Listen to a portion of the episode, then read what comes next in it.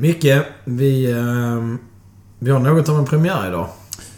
Ja, det har vi. Det kan man lugnt säga. Men det är någonting som vi har fått ta, försökt få, eh, få till eh, ett tag. Ja, men du vet det här med att, synka kalendrar. Det är alltid svårt. Men idag har vi alltså en eh, gäst. Mm. Och inte vem som helst, utan eh, Glenn Tail. En gammal vän från eh, cykelbranschen. Tack för att jag fick komma.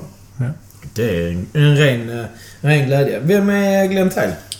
Eh, Glenn Tyler är 45 år dansk. Är du Eh, 45 år? 45 år. Det kan man inte tro. Vi skulle haft Nej, det som... jag ska kan säga- välja jag mot våra gäster. De grå håren de sista sex månaderna har ökat ganska brutalt. Är det åldern eller något annat? Det är åldern. Ja. Det, det är åldern. Uppfattar. Eh, och, och sen så, ja det är primärt så är det åldern som, som tror på. Du är rätt ung i sinnet.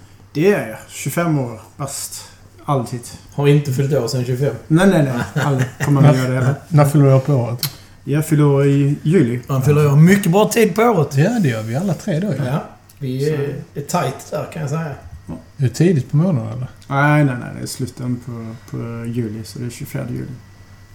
Och jag 29 och du fyller år den 20, 24. 24 också. Ja. Visste ni det? Ja. Ja. Att ni delar... Så, Härligt. ja. Han heter Joakim också. Gör du det? Nej. Joakim von Anka. Ja. Nej, nej. Det är inte så. Nej, jag bara skojar. Eh, men du, Glenn, hur kan det komma sig att vi eh, sitter här med en dansk? För du är så himla dansk att du inte bor i Sverige. Nej, nej. Jag bor i, Dan- i i Malmö här i sista... Det kan man säga. Det Sista, sista fem För vissa. åren. Ja, för vissa är det. det, det är gamla 15 danskar. år i Malmö, det är, Det är det är hur länge som helst. En förort till Köpenhamn kan man väl kalla det. Oj, oj, nu gör vi oss ovänner. Nej, jag tycker inte det är så farligt. Jag tycker det är faktiskt väldigt fint. Ja. Eh, Så jag tycker man ser mycket trender och sånt som, som, som kryss, som korsar över och sånt. Så Ja. Kom positivt. du över när alla andra danskar också kom över? De köpte Det två lägenheter till priset av en i Köpenhamn. Ja, nej, nej. Jag, jag lämnade lägenheten i Köpenhamn och flyttat helt till, till, till, till Malmö. Varifrån Danmark kommer du? Jag kommer från eh, Åhus. Så jag kommer från Jylland. Ah. Och för er som har lite svårt för sig, det är inte Åhus utanför Kristianstad vi pratar om. Nej, nej, nej. Det är alltså en Det är- egen ort i Danmark. Det är, hu- det är huvudstaden på Jylland. Ja. Så det, är, det, det, är, det är ganska enkelt. Som Så- någon ifrån Åhus utanför Kristianstad åkte över för att döpa den här lilla byn. Nej, det finns säkert en koppling där, men nu är vi inne Nej, i... nu är i Åhus den är från 900-talet. Så, så mycket vet jag. Jag vet att Ja, det är kyrkan i, i den är ganska gammal. Så, så, så det är... Det Det är är en lång nog... historia. Men Jylland är ju också så här. För oss eh, skåningar så är ju Danmark nästan synonymt med Köpenhamn. Det är ju typ så. Alltså, Och Jylland är en helt annan del av Danmark. det är väl som, som Göteborg och eh, Stockholm skulle jag säga. Ja. Det är lite grann samma mentalitet. Ja. Gy- du- Jylland, Jylland för oss det är ju mycket sommarsemester. Det är le- Löken. le- Legoland. Löcken. Lucken? Ja. Vad är det? ska du åka. Det Det är, det eh, är uppe på Nordpå, ja.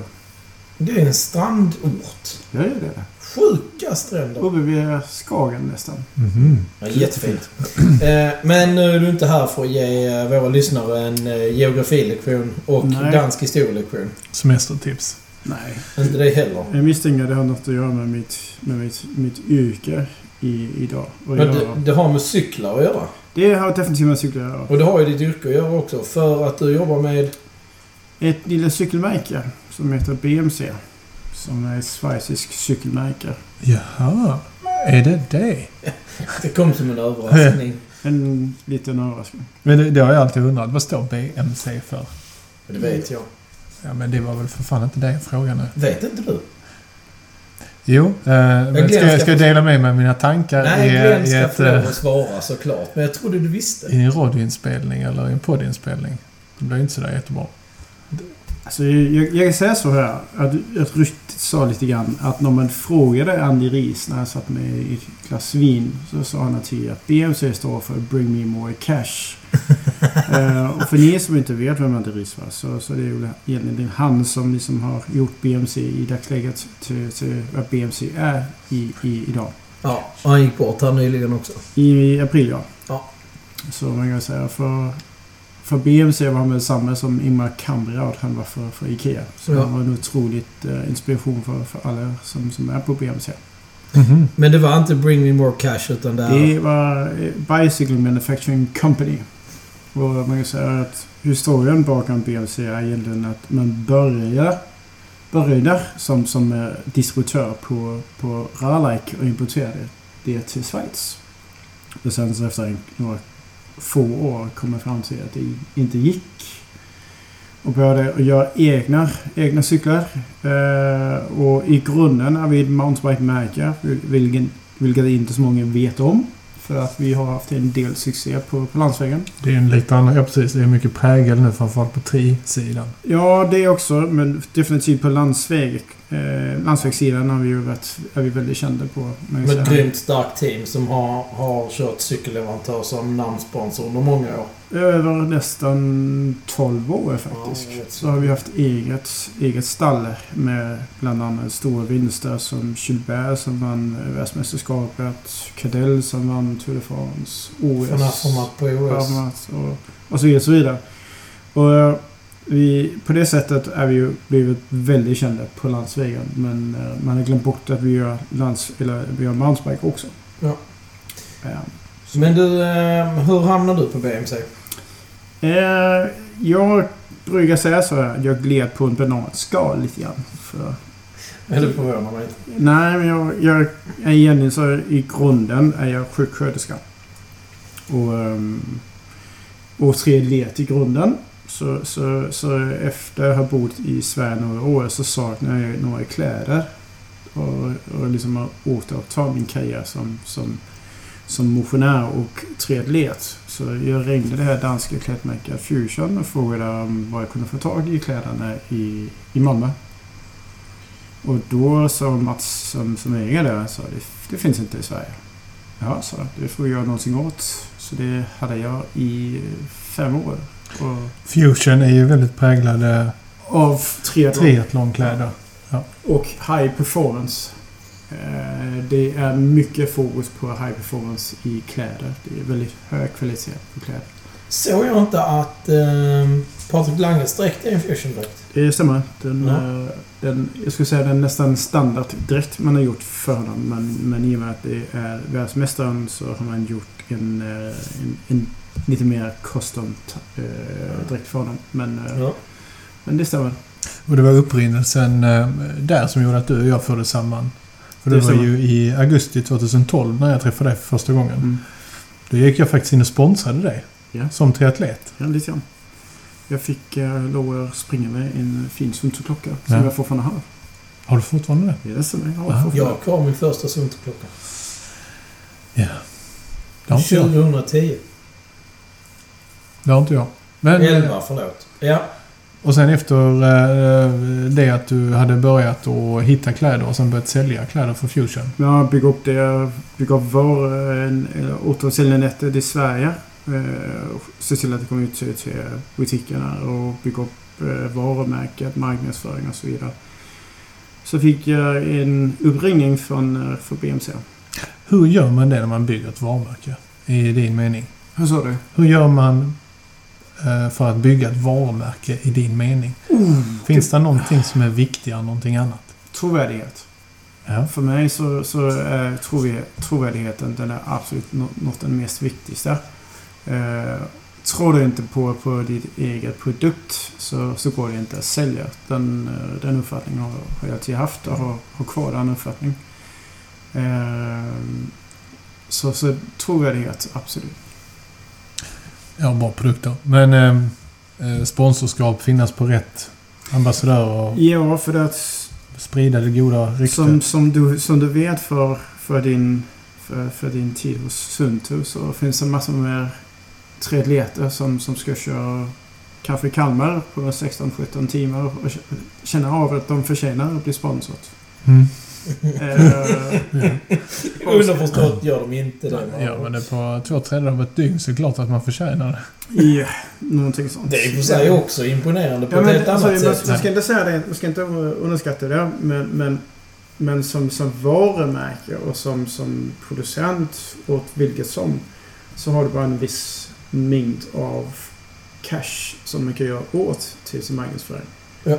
Eh, och fast man gärna skulle sponsra alla som är goda människor som kör både Kalmar, Köpenhamn, whatever. Så, så, så finns det inte möjlighet för det. Så, så man får, vara, man får vara lite kreativ när man går in och gör något samarbete med olika personer och sponsra dem och sånt. Så, Och i vår värld med ganska så låga marginaler på dyra prylar så Ja. brukar den siffran vara runt 5-6% av den totala omsättningen. Och den är ju oftast baserad på nästa års budget så man leker ju med pengar som man egentligen inte fått in. som man inte har tjänat ännu. Jag kan också säga det så här alltså att eh, en rätt så viktig inlaga är det om det betalar tillbaka sig. Med ett ambassadörskap är det något som är intressant men om det inte betalar tillbaka sig så spelar det egentligen ingen roll vilken peng det är och det spelar inte heller någon roll om du gör eh, Kalmar på 8 timmar eller på 16 timmar därför att om du inte genererar du inte någon form av eh, eh, marknadsaktivitet så är det ändå waste of money. Värde kan vi kalla det. Ja, vi, vi, kommer ja, in på det. Jag har lite eh, spaningar och lite frågor till det angående sponsorskap sen. Det är någonting som vi brinner väldigt mycket för. För eh, just det här med att generera värde. eh, på någonting som man har fått. Det vill säga om jag har fått en cykel av dig eller om jag har fått kläder. Så ska jag skapa någonting och där är det många Så, så, frågetecken kring hur det fungerar idag.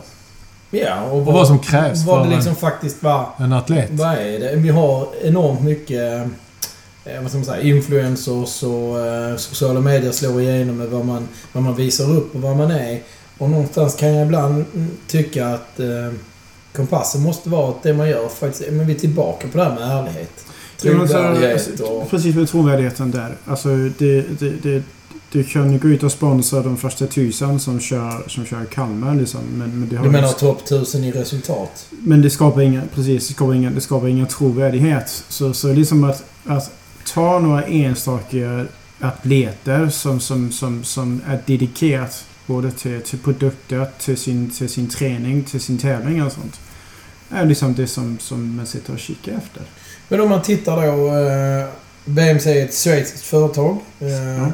Och jag har själv erfarenhet av att jobba från ett tysktaligt företag och det brukar vara rätt så eh, eh, strama regler. Det är tydligt och rakt och klart och eh, det är dessutom har då BMC under ganska lång tid här jobbat med, med ambassadörer internationellt eller globalt. Som man säger, Kalle Levens till exempel. Jo, men Caddy Levens som jag säger, har en lång historia hos, hos BMC. Ja men det är det jag menar, det finns en varit- trovärdighet. Absolut, absolut. Han är, han är kvar eh, fast att han eh, gick på pension för drygt två år sedan. Hur gammal är Eh, Cadell? Är Cadell, han är ett år yngre än jag faktiskt. Ja, han är så pass. Eh, Så, så nej, jag tror faktiskt han är 41, 42. Jag kommer inte ihåg Ja. exakt. Ja. Det är ingen ålder för en häst. Nej, nej, nej. Nej, han behöver inte gå till nödslakt riktigt än. Men för, för, för, för BMC har vi ju, en, har vi ju haft ett stort... Vill säga, vi har byggt upp det här trovärdighet eh, runt vårt egna teams, våra egna stall. Ja. Och det har vi ju i dagsläget, när vi snackar eh, 2018, så har vi ju egen team när vi snackar landsvägen, eh, Worldtouren. Vi har egen stall när vi snackar triathlon. Vi har egen stall när vi snackar, eh, snackar mountainbike. Ja. Så mountainbike är ju ett av världens bästa, om jag, jag tror faktiskt det blir världens bästa år eller blir det skott, det kommer jag inte ihåg. Men det, det ska jag inte gå ribban i här. Men där är ju där är också en, en, en person som har varit extremt dominant under många år i Julian Absalon. Absalon, legenden. Som också är, Ehm. han har ju slutat cykla Ja, och kört eget team och kör med BMC. Han slutade i år och startat ett eget stall som, som vi ska sponsra i 2019. Stämmer. Ja. Kul. Och för mig är trovärdighet att bli kvar efter, förstår du? Nu är min... Alltså att vara elitcyklist oavsett gren och vara sponsrad. Det handlar bara om att komma till det materialet som krävs för min prestation. Och, Alltså- och om, det, om det står... eh, Om det står det ena märket eller det andra märket på det. Här ska jag göra min prestation. Det är det jag behöver den här cykeln till i det här fallet. Men att vara kvar efter innebär kanske att man tror på någonting annat än bara produkten.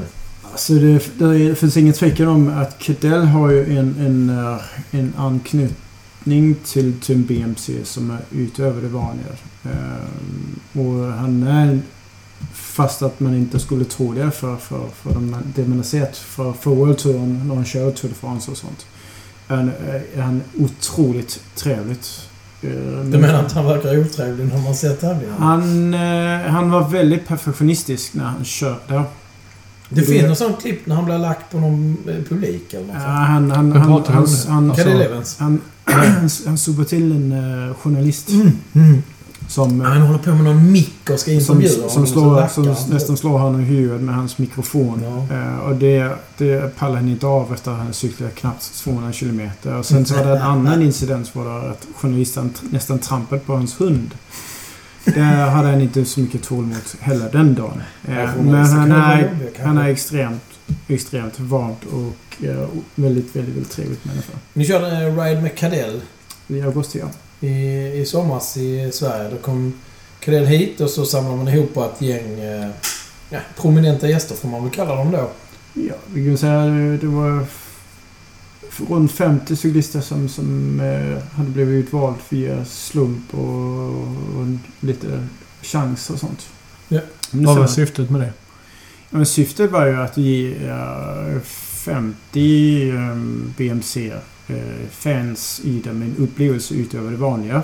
Så, så Cadell kom ju hit från, eh, direkt från New York och var här i, över helgen där 34 augusti.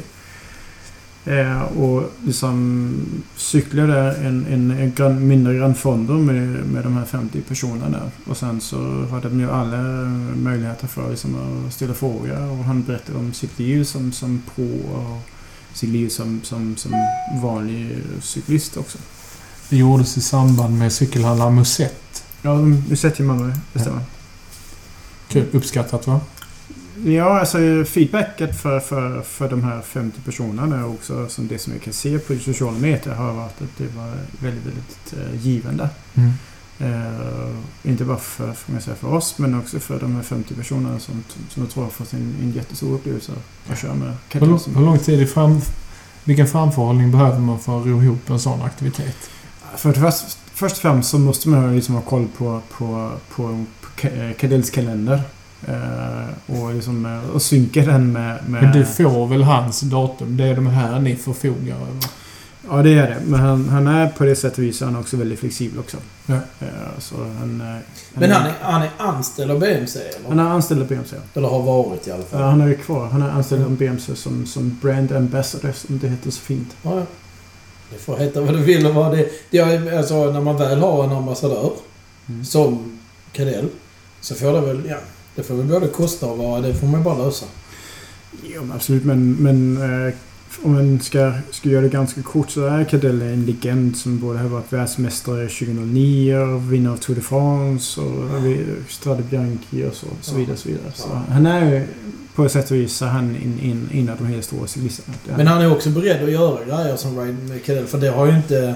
Det har ju faktiskt inte alla stjärnor är inte intresserade av att ställa upp på Nej, nej. nej, nej. det är, det är inte alla som är lika sociala. Det, det, det har jag sett. Ja. Men, eh, ja, men jag har också sett där i sociala medier att om man säger att de här 50 som var med, det är många av dem som... eh, Det här är ju, utan att de säger det uttryckligen, man säger att det var en höjdpunkt i deras cykelliv utan tvekan. Eh, Det är inte varje dag man cyklar med en Tour de France-vinnare. Vi är inne på den här stjärnan nu. Vi, vi stannar upp där vid Fusion och så jobbar du med det där. Men sen när du skulle gå vidare från Fusion. Vad gjorde... Vad, vad hände då? Ja, Men eh, det hände det att jag blev kontaktad av BMC som frågade om jag var intresserad av att ta hand om BMC i Sverige.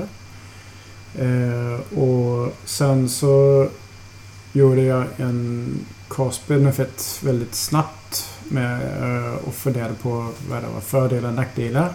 Och så sa jag faktiskt nej till, till BMC.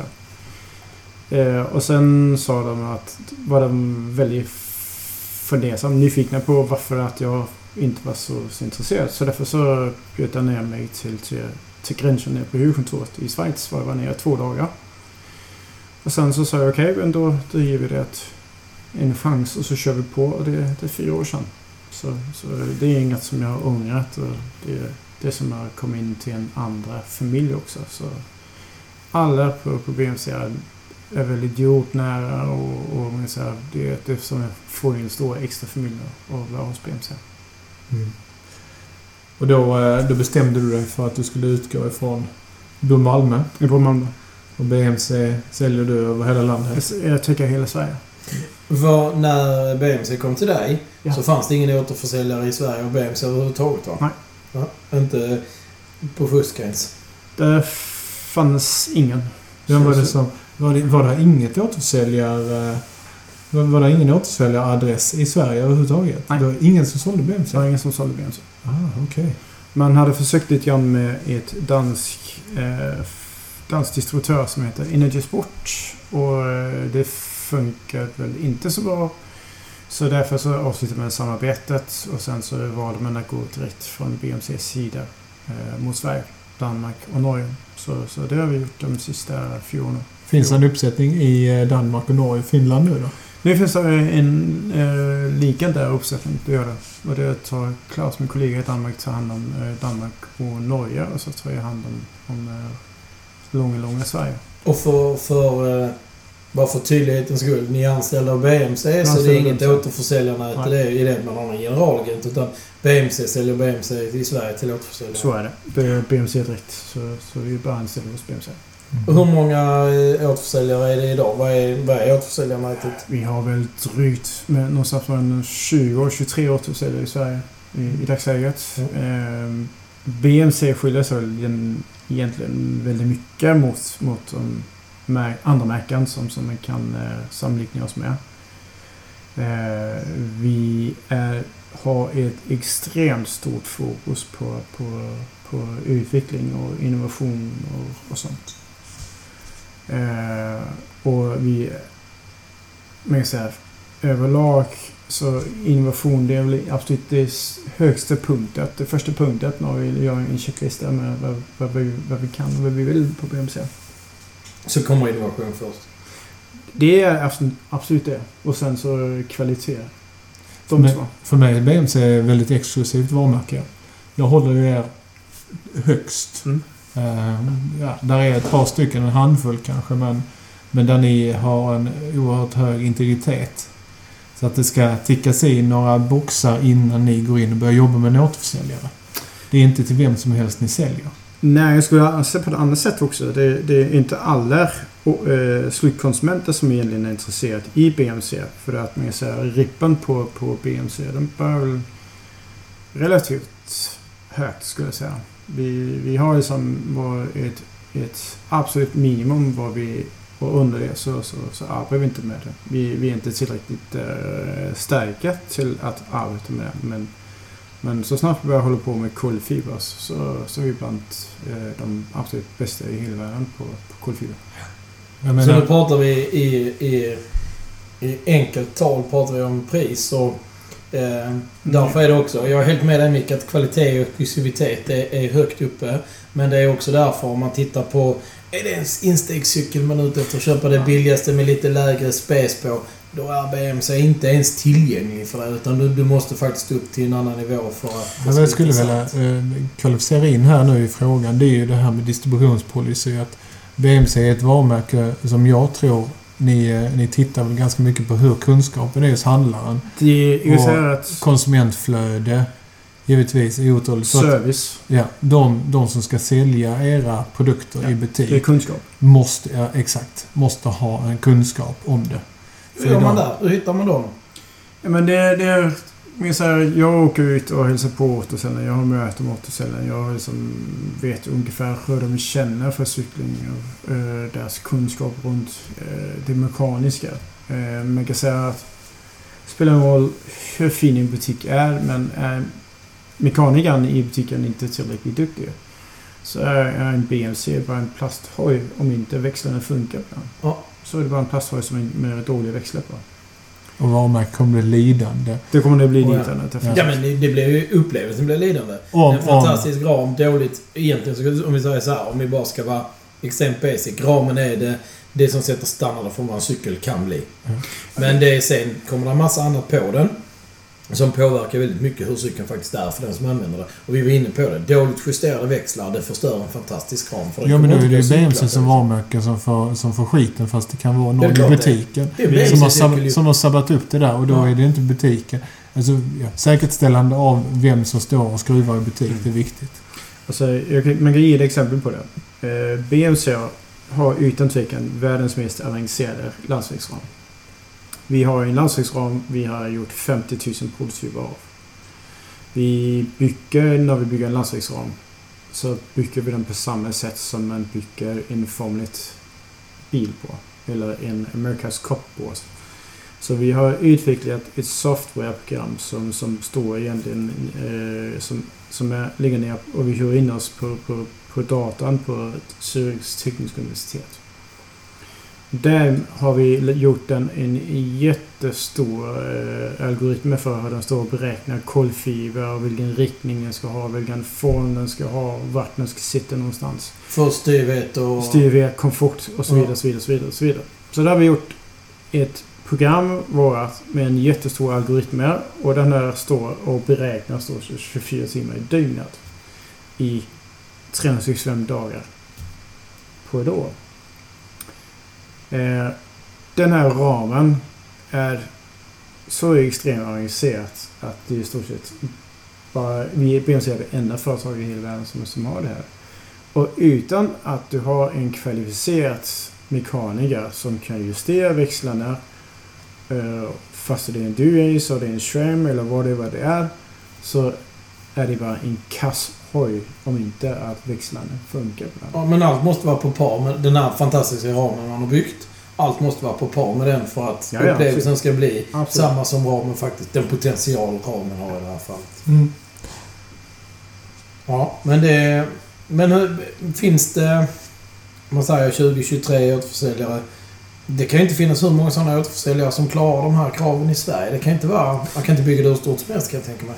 Alltså, kan säga så här att det har hänt en, en väldigt, väldigt stor utveckling på, på Sverige de sista tio åren med, med tanke på med hänsyn till um, hur att slutkonsumenten, kunden, går ut och väljer sina cyklar på.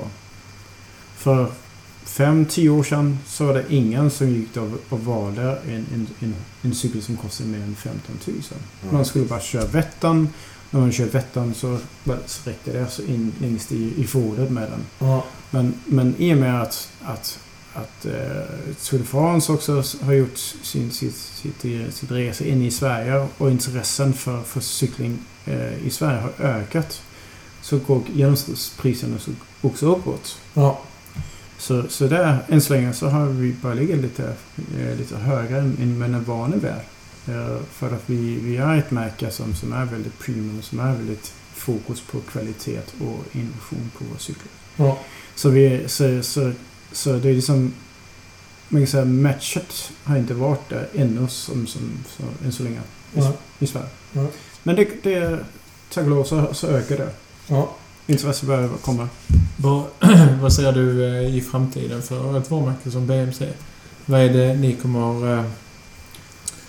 Vad är det ni kommer att göra liksom för att på något sätt eh, prägla ert affärsområde och hela tiden ta marknadsandelar?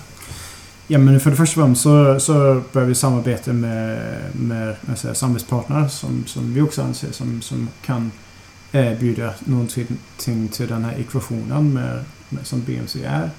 Eh, och därför så har vi startat samarbete med, med Red Bull, eh, Advanced Technologies.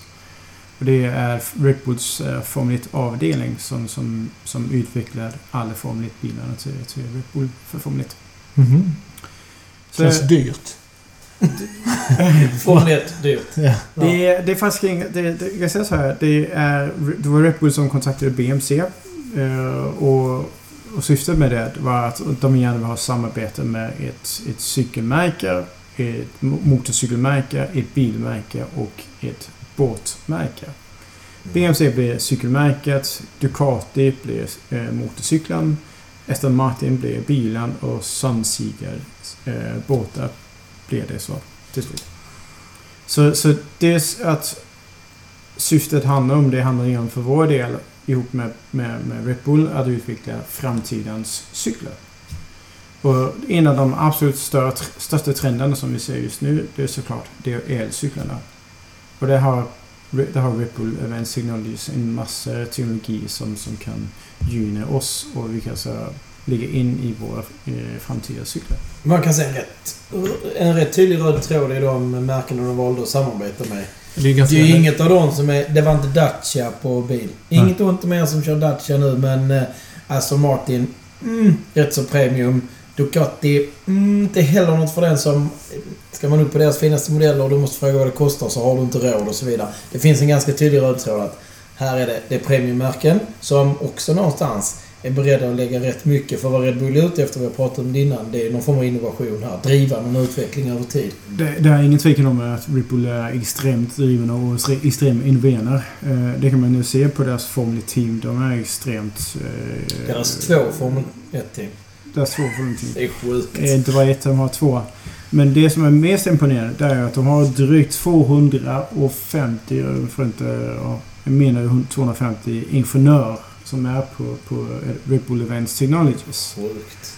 Och de här 250, 250 ingenjörerna får bara arbeta på Formel 1-bilarna tre månader om året. Så de sista nio månaderna har de andra uppgifter. Andra uppgifter. Bland annat att utveckla nya mm. BMC-cyklar ihop med gänget nerifrån från oss på Impec Lab som är vår RD-avdelning. Ja, Impec är... Eh, nu vet jag lite genom eh, vår eh, relation så här, men eh, Impec är lite, eh, det är lite NASA för cyklar. Det är NASA för cyklar. Det är, jag brukar kalla det för tomtens verkstad. det är... Alla borde åka ner och se det för det är helt fantastiskt. och det är egen Carbon-verkstad och vi har egen CNC-verkstad som jag säger, BMC är bland de enda, om inte de är de enda, som bygger prototyperna själv in-house. Men nu, nu, nu pratar vi utveckling. Nu blir jag jävligt eh, nyfiken. Jag måste hoppa in på ett eh, ämne. Det kommer en ny Time Machine Road här nu. Ja. Som, det har kommit ett par sådana här cyklar från olika, olika tillverkare. Mm. Men som är, det är nästa steg i aerodynamiska racercyklar vi pratar om. Ja. Så där är en racercykel. Euroveckan som, som vi kallar det. När ja. Jag tror det var tre Cannondale kommer in. Cannondale Specialized BMC. Och sen så Trek också. Men eh, om man säger eh, den nya Time Machine Road. Man har så här, man har byggt en särskild ram där flaskhållaren är integrerad så att flaskorna som sitter i ramen är integrerade i det aerodynamiska tänket. Mm. Eh, bara impact liksom nivån. Har man en vindtunnel eller är det CFD, alltså Computer Fluid Dynamics, ska man säga? Det Simulering i data? Det är både och faktiskt. För att vi, vi, vi har ju varit i vindtunnel med Sauber. Vi, Sauber har vi ju som granne nere i Schweiz. Ja. Så de har ju varit i vindtunneln med så vi vet ju redan hur profilen på, på rören ska se ut. Sen... Sauber är då också ett Formel 1-märke? Ja. Ja, schweizisk märke. Eh, och Ericsson bland annat kör på. Eh, sen... Gjorde han fick kicken Fick han inte Ja, han ska köra Kimi Räikkönen kom in till hans plats. By the way, sådär. Fast där handlar det om jävligt enkelt. If you're fast enough, you're still here. Nej, jag, jag hörde inte om han ska till Indy Alltså in 500, mm. serien där. Ja. Är det så? Så han var inte fast enough. Vi bygger vår stjärna här nu känner jag. Mm. Tillbaka till vindtunneln på Impact eller Så, så vi, vi, har både, eh, både vindtunneln och så har vi Computer Fluid också. Eh, men det som var mest intressant det var ju när en av våra 3D-designer som, som, som inte har någon bakgrund i cykelbranschen. Han undrar ju liksom varför är det att man aldrig testar i vindtunneln med flaska och flaskställ på. Så det är egentligen det som ligger till grunden för den nya TMR, eller Time Machine Road. Det var att en 3D-designers eh, på BMC wow. som varför det är att man inte kunde integrera det. För, på, för det har varit lite så UCI sätter regler för hur en cykelflagg ja. ser ut och då har man regler för hur rörformen får vara. Och det står i reglerna på UCI att det här är för att bevara cykelns ursprung och så vidare. Mm. Och så finns det ju den här hemska avarten av cyklister som kallas för triatleter som skiter i de reglerna för att de inte gillar dem.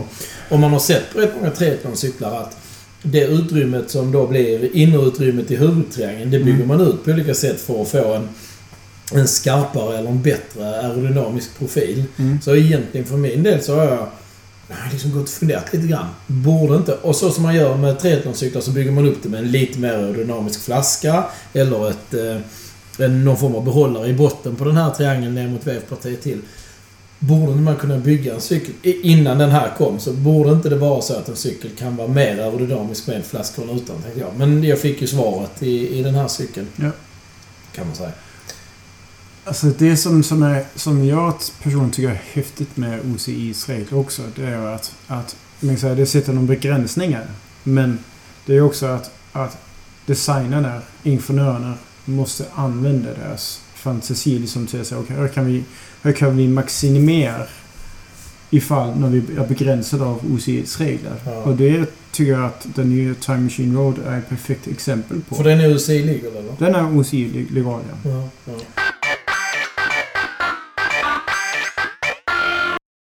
Tänka på eh, golfens RNA som är eh, lite så här ett gäng gamla gubbar som sitter i Skottland och eh, begränsar eh, golfklubbornas eh, möjligheter för medelspelare då att eh, slå långt. Hur är det här egentligen? UCI, drivs det av ingenjörer eller drivs det av gamla världsmästare eller är det också lekmän?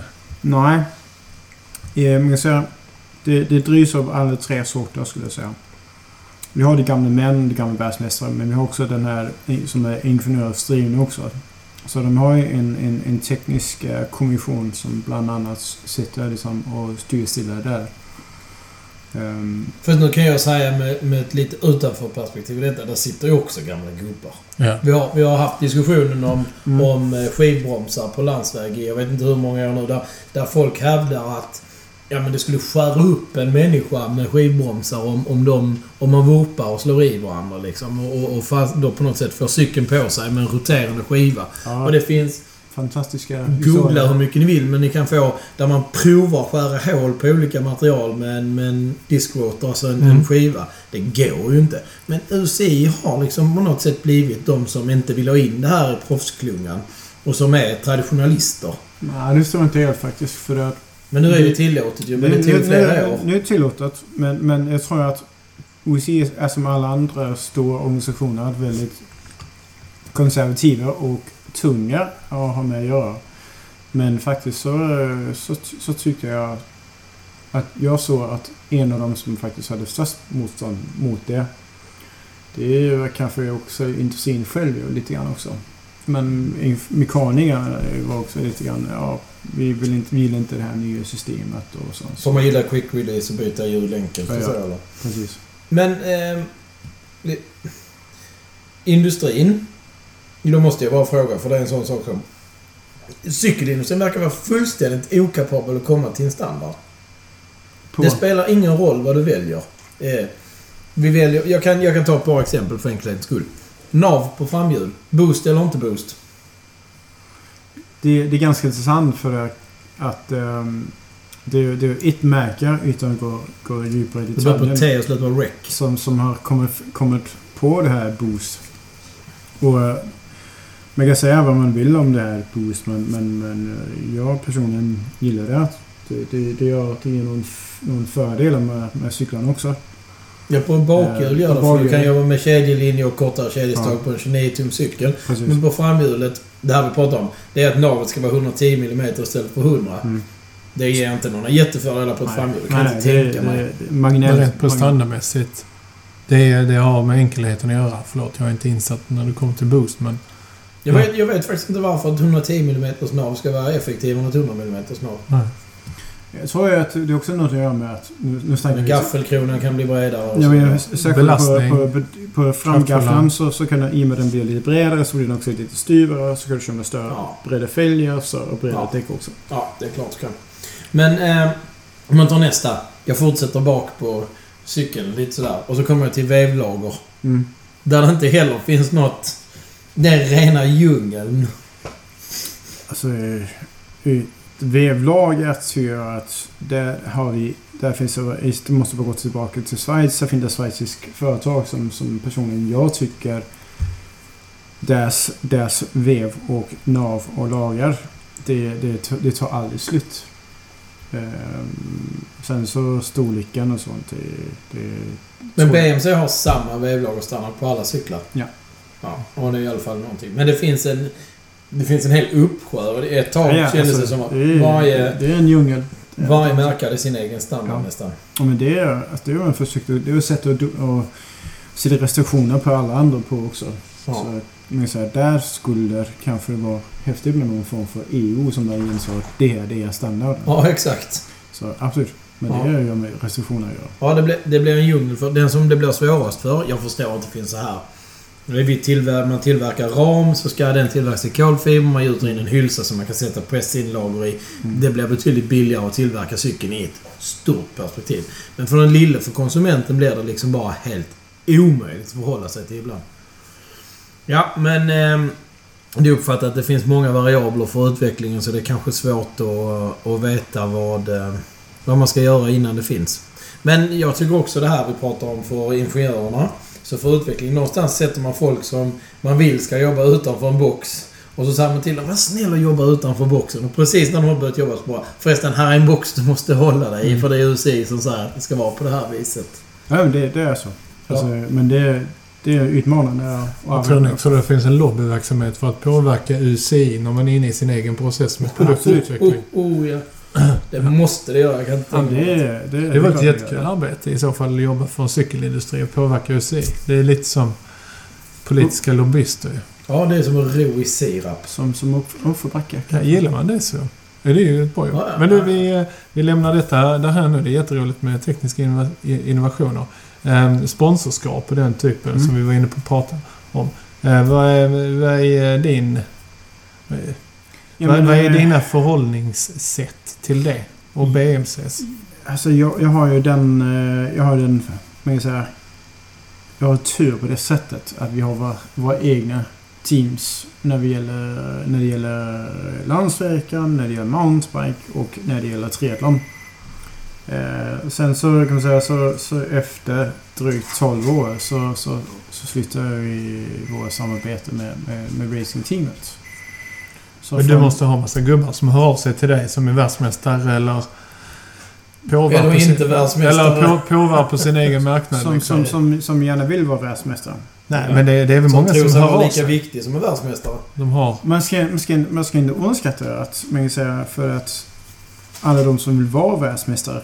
Eh, sen så är det min uppgift som väljer de som tillsammans med mina återförsäljare kan gynna eh, återförsäljarna och BMC. Hur jobbar du där? Ja men det är att det handlar igenom dedikation, dedikering och, och, och trovärdighet. Så, så ofta så, så är det ju något som, som eh, mina återförsäljare de kontaktar mig om och säger att du Glenn, vi har den här personen som jättegärna vill, vi jättegärna vill hjälpa. Och så säger jag, men okej, men har vi en dialog runt det och sen så, så säger jag go eller no go för det. Vad kräver du av en sån eh, ambassadör? Ja, men jag, jag kräver mer egentligen faktiskt att det är återförsäljaren. För det är, I mitt fall så är det återförsäljaren som, som måste stå till, och, Till svars. till, till svars för det. Ja. Så på det sättet så, så, så det har återförsäljaren det största ansvaret. Och det kan vara då till exempel att eh, produkter eh, säljs genom de här ambassadörerna eller att eh, produkt, eller återförsäljaren sätter upp eh, demo-events och liknande. Ja, det är, det är väl mer att, eh, att man kan säga vissa personer är en bra ambassadör för, för, för, för butiken, för, för, varumärket. Eh, och där kan, jag kan jag säga att det, för mig är det absolut viktigaste att de är en bra ambassadör för butiken. För att vi har våra egna, än så länge, 31 eh, december, våra egna racingteam. Sen så Sen så försvinner det. så är det Dimension Data som, som gäller. Ja. Sen kan vi, vi får ta apan i rummet. Med BMC Racing Team stängs 31 december. Stängs 31 december. Finns inte längre. slut efter 12 år. Det ska sägas här. UCI-licensen tas över av CCC Polsat eller vad det nu heter. Stämmer. Eh, men jag säger att den personen eller det företaget som, som, är, som har haft licensen är ju ett amerikanskt Ja. eh, företag. Eh, och eh, det har BMC sponsrat och varit huvudsponsor genom de sista 12 åren. Ja. Så de här svartröda kläderna det är en, eh, Det är en historia. det är en historia.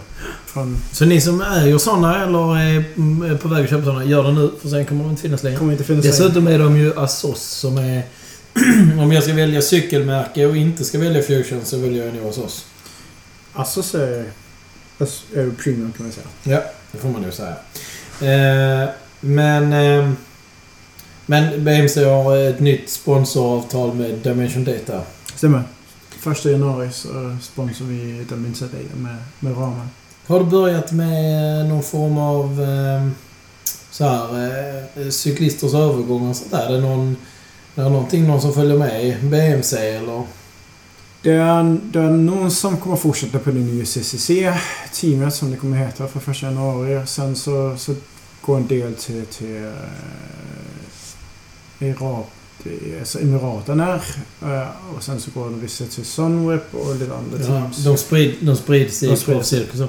Men för det ska man säga för er som inte är så intresserade av landsvägscykling att det är ju ett lagbygge precis som hockey eller fotboll är.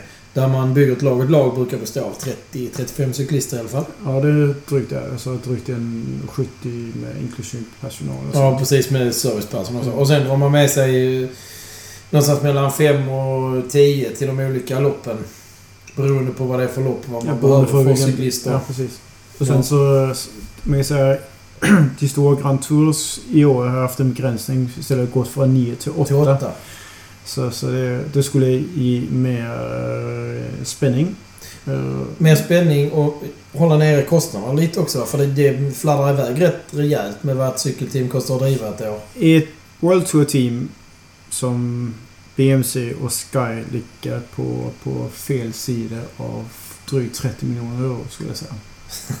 Fel sida. Det beror Det på kostar vem man frågar. ja, men det, vi kan säga här, det kostar mer än 300 miljoner kronor per år. Ja, men... eh, Det kostar att ligga på topp. Det är sjukt mycket pengar. Det är ingenting mot vad ett Premier League fotbollslag kostar. nej, Nej, och fast det, är ju mer pengar genererat också. Du och din jävla fotboll. Alltså, jag, man blir förvånad ibland när man ser till exempel Joan Thomas som står bredvid eh, whatever, fotbollsspelare för Barcelona och sånt. Och han, har, han tjänar kanske det som han tjänar på en, på en dag eller en vecka. Eh, det är samma, han har bara kört tre veckor i Tour de France och hans arbete jag tycker jag ser mycket tuffare ut än, än en fotbollsspelare som... Det kan jag hålla med om, för annars hade jag inte suttit i, en sån här, i ett sånt här forum. Eh, jag, är, jag är väldigt oimpad av fotbollsspelare generellt, men Man behöver, när inte vi- cykla, när vi- man behöver inte cykla mycket för att bli imponerad av den som vinner Tour de France. exakt, Alltså, pratar vi det- kostnader så eh, Med tanke... Med, är med, med, 300 säga, mil- miljoner väldigt mycket pengar. Det är det. Ja. Men det är ingenting i fotboll. Och det är det inte i, i någon annan lagidrottsvärld heller. Alltså, eh, man kan bara säga Gilbert när han liksom vurpar i årets Tour de France och så sitter på sin cykel och cyklar, eh, vad är det, 6,5 mil in till, till Ja. målet. Eh, Och kommer på att knäskålen tyvärr var bruten. Den vurpan var inte att leka Nej, med. och han bara satsar på hojen igen och cyklar. Åh, fasen vilken vurpa det Jag tänkte han, han slog ihjäl sig. var min första tanke faktiskt. Det är supermän. Eller supermänniskor. Och på gränsen till dumma emellanåt. Men, eh, men eh, då går det vidare med team där. Men, eh, jag, om jag förstår det rätt så har BMC varit extremt eh, involverade i teamet som har varit fram tills nu. Nej, jag vill säga att våra ägare var väldigt eh, Ja, involverade. Andres. ja. eh, var ju väldigt, väldigt passionerad runt, runt landsvägen och var väldigt fokuserad på att han vill ha en... Eh, han vill vinna Tour de France med, med BMC. ja. Är BMC privatägt? BMC är privatägt. Vem är det som äger det? det är jag och familjen efter Andy Ries. Eh, så så vi, vi finns inte på börsen, vi finns in, ingenstans egentligen. Det är privat enbart. Jaha. Vad omsätter BMC? Det är en mindre hemlighet, men vi, men vi, vi, vi går inte med förlust. Alltså vi pratar globalt nu alltså. Ja, men det är globalt. Det är drygt en, en miljard eller lite över. Jaha, så det är ett rätt stort varumärke då. Det är ett ganska stort var- I en varumärke. liten ankdamm. I en lilla en ankdamm. Jag brukar säga så här, vi är små bland de stora. Bland de Ja, fem ja, stora. ja. Ja, jämför man kanske med, med vi pratar andra märken på, i branschen som har pratat Specialized och, och de här är ju... Skulle jag tro också. Trek är också en Cannondale, riktig drake. Scott. Cannondale, Scott. Ja. Merida, Surveyor borde vara jättestora också tycker man. det är de inte. Nej, det är sjukt. Eh, Ni knuffar iväg dem från Dimension de- Data ju. De, ja, men de går till, till uh, Sunweb nu istället. Sunweb. Vem skulle ta, vem tar CCC förresten? Det gör eh, Giant. Giant. Giant är också ett stort varumärke. Giant är typ världens största Ja. varumärke. Amos Sports, min gamla arbetsgivare, var ju Nej, eh, med i en budgivning kring eh, Cannondale. Vad sa du? Eh, Amos Sports var med i en budgivning Mm. kring Cannondale. Ja. För ett tag sedan. Men Canada är inget jättemärke jag vet Så- inte. Det känns ja, som att det det är det. är, det är, ganska, det är ganska stort. Ja. Det ingår i en, en del av en större, större kooperation av flera företag. Ja. Flera cykelmärken. Ja, ja. Jag vet... Eh, jag lyssnade på en intervju för länge sedan med Fredrik Kessiakoff. Med en svensk cyklist Mm. som var bra för ett par år sedan. Eh, han är säkert fortfarande väldigt duktig på cyklar, det är inte det jag säger. Men eh, han sa innan att hans definition av ett riktigt bra cykelmärke det var någon som tillverkade en riktigt, riktigt vass cross country mountainbike heldämpad. Kan man tillverka en bra sån, då finns det liksom eh, teknisk kompetens i företaget. Då, då, då är man relevant. Mm. Men samtidigt som man gjorde det tyckte han att man skulle ha en, en av de absolut vassaste tempohöjarna. Så definierar han en grym cykeltillverkare. För har du båda de tekniska kompetenserna och kan balansera kunskapen och viljan i de här två grejerna. Då, är du, då kan du allt. Det har jag BMC. Ja, ja, BMC Det är, framkommit nu. BMC är ju en, en självklar stor spelare när det kommer till produkt tycker jag. Sen tycker jag det eh, med, ja men, eh, med Cadell tycker jag är en sån grej och Julian Absalon stannar ju på, på BMC över tid. Ja, ja. Men Eh, i- Cadell, Cadell började ju sin karriär på, på, på mountainbike. Ja. Han Också. kör, körde världsmästerskapet i Åre faktiskt. Han blev körd om av en svensk, om jag minns rätt. Vilken av dem är det? Jag, Gustav Larsson eller? Jag kommer inte ihåg faktiskt, men det var som O23 eh, cyklist. Ja, så, så där... Ja. ja, det där kan du ta reda på. Han har klara minnen om, om Åre kan jag säga. Ja. men... Han är ehm, klar med år också kanske. ja. Vad tror du framtiden för traditionella cyklar? Vad är det vi ser i, eh, i horisonten? Om jag kunde... Om jag kunde komma med ett, ett väldigt, väldigt kvalificerat så skulle jag säga att framtiden är el. Mm. Eh, Nu blir jag ledsen. Dessa jävla elcyklar. Ja, men det... Alltså, jag, kollar man på, på årets Eurobike så var det knappt några muskulära cyklar kvar. Ja, det är sjukt. Det har sålt 503 000 cyklar i Sverige för i för 1718 tror jag. Men det är inklusive allt från barncyklar. Det, är- det är all Hela inklusive för. Biltema och... Ja. Men tror du, inte att, tror du inte att det är så här? Jag har sett... Jag ser ju vad BMC gör i elcyklar. Och om jag nu skulle bli tvungen att välja en elcykel så ser jag ungefär vad jag skulle hamna. Jag har alltid sagt att hade jag bott i, på ett ställe som Åre till exempel så hade jag köpt en, en All Mountain elcykel hur fort som helst. Därför att det hade varit det perfekta verktyget för att ha roligt där. Men tror du inte att... Eller jag tror att vad som kommer hända är att cykelbranschen kommer förändras i det. Det vi pratar om vardagscykel. Alltså dampirran eller eh, herrcykeln eller vad man nu har för cyklar till ICA eller skolan eller jobbet. Där kommer det växa som det- tusan det- med, det- med det- elcyklar. Det är... Så ser man på, på, på, på resten centrala och södra Europa.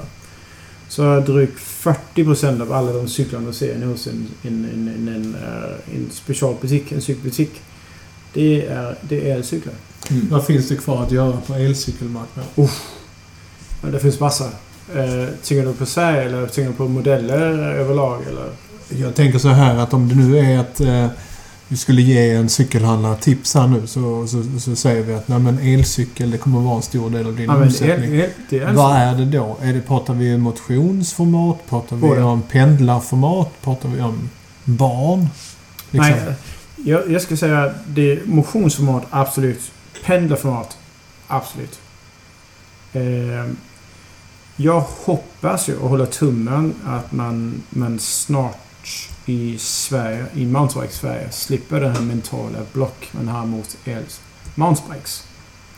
För det är ju en liten sån eh, halvhake Nej, det nej, nej, men, men, men alltså, det, det finns, någon, det finns någon, någon uppfattning om att, vi, att man måste hata elmountainbikes av någon konstig anledning. eh, Det och, har inte jag gjort. Det Fast det, fast det handlar ju om... Du kan bara... Alltså... Elmountainbiken blir stympad i Sverige på grund av allemansrätten. Du har inte lov att köra med ett eldrivet fordon i naturen hur som helst. Ja, men en elmountainbike upp till 25 km i timmen Ja, är en cykel. men det är det jag säger. Hade jag bott i Åre, där jag skulle kunna cykla upp för och få, få hjälp. Istället för att köpa ett liftkort eller istället för att behöva anstränga mig som en gris med det BMI jag har. Så hade jag kunnat cykla lätt upp och sen ha kul ut för sen kan jag cykla upp för igen för jag kommer ha energi kvar. Jag köpte, jag köpte direkt. Men det, det är också en fördel för, om jag säger, man kan cykla med, man cykla med sin sambo, man kan, man kan ha något... Man du menar för att hon är mycket snabbare än vad du är? Ja, men Man kan ha något funktionshinder också. Ja. Eh, som gör att man faktiskt ska hänga med och, och köra en runda i Genarp och sånt. Eh, men, men det har varit någon, en, en, en, eh, en missuppfattning om att man måste hata en elmountainbike. Eh, och det är inte fair för att de är faktiskt jävla roliga. De är skitskoj att, att köra på. Och det, att den här missuppfattningen med att man inte kommer att, svettas, man inte kommer att ha motion på den. Det är helt fel. Ja, det kan du bara kolla på de som körde Gotland National i enduro förra helgen för de svettades rätt så friskt fast Ja, de det, det är motoriserade cyklar. Men tror du fortfarande att motionsbranschen är där vi hit, kommer hitta liksom... Jag tror faktiskt att redan nästa år kommer du se mycket, mycket fler tävlingar. Och till och med också i Sverige för att man, man gör det utifrån eh, menar en E-klass. en E-klass. Jag såg redan i, vad det är, år, förra året var fjällmaraton MTB hade fått sin egen E-klass. Och någonstans, för nu är de ju extremt dyra. Jag kan ju säga att jag hade svårt att casha en elmountainbike på en månadslön i dagsläget. Men får jag säga vad, vad, vad är dyrt? Men dyrt är 30-40 tusen kronor. Du Okej. får ingenting för 30 000 kronor. Nej, det är det jag menar. Det är ju dyrt. Alltså, Det är det Du får ju. köpa en begagnad. kan man göra också. Men, Då är vi uppe vad en bil kostar. men, men, men jag, Det gör vissa ändå. på Om, något om man sätt. kollar på vad man får. Och det är, är denna missuppfattning som vanligt är. Ja, det är dyrt med en mountainbike till 45 000 kronor. Men kollar man på vad man får. Så, så tycker jag att man, se- man får faktiskt väldigt mycket för sina, för sina pengar. Och snackar man, kollar man nu på, på el, Pendlar har ju också. Så tycker jag att man in i som och kollar på vad det egentligen jag köper. Eh, jag köper en, för vår del är det en, en, en kolfiberram som är, som är premium och high-end och inbyggt med ko- komfort och... Är det, är det den här uh, Alpine Challenge? Väger bara, den väger bara 14 kilo med, med batteri och motor på. Eh, Men för mig är det, för mig är det, det här vi är kvar. Vi har subventionerat i Sverige. Nu köper man en stålcykel eller i bästa fall en aluminiumcykel som någon har slängt dit en elmotor på. Tittar man på vad man gör med exempel, det finns ju fler av den här typen, men Alpen Challenge som är... Jag har haft en Alpen Challenge som var eh, muskulärt driven. eh, Med rem och så här. Den är redan där, är den annorlunda. Den är ju, det är ju en, förstå, det är en herrcykel för det är inte en racer. Men den är fortfarande... Den rullar lättare, den är tänkt att cykla på, den har en geometri som svarar när man cyklar och så vidare. Gör om den till en elcykel. Now we're talking. och det har vi så gjort. Så, så man, det vi har gjort liksom är att man har byggt en, en, en, el, en elcykel som väger bara runt 14 kilo. Men vad kostar en sån? Den? Den li- ligger på 40 000. Ja. Eh, 42 000 för att vara exakt. Med, med, med 30 mm däck på. Eh, med, med en 500 watts, eh, wattimmars batteri på. 250 watts eh, batteri, eller wattimmar motor på också. Så, så man får en hoj som, som, som pushar på nästan liksom man kör igång. För i vanliga fall så ligger du faktiskt och kör väldigt snabbt. Ligger du och kör över de här 25 km timmen med, med 30 mm däck på. Ja. Och en, Ja, för det och en, rullar och en, lätt. och en sportig geometri också. Ja. Men, eh, men jag är helt med. Så de elcyklarna jag har provcyklat någon gång har ju varit... Det är gångdraget man får hjälp med. Men du blir ju inte... Om, om du har hjälp upp till 25 km timmen så är du ju inte svettig av att hålla 25 km timmen. Inte sådär, alltså inte mm, så det rinner. Men du tror fortfarande att eh, motionssidan har lika mycket potential som pendlingssidan? Absolut. Vad är det som behövs för att det ska explodera ordentligt? Ja, men det, det är liksom att, att, att det blir okej att köra på en mountainbike. Att folk tycker att det är okej att köra på en mountainbike i skogen. Vi vet redan nu för, för, eh, för att, att vad heter det, Transportstyrelsen inte anser en elcykel med, med, med, med motor på upp till 25, 25 liter timmen som, som annat än ett, en, en, en cykel.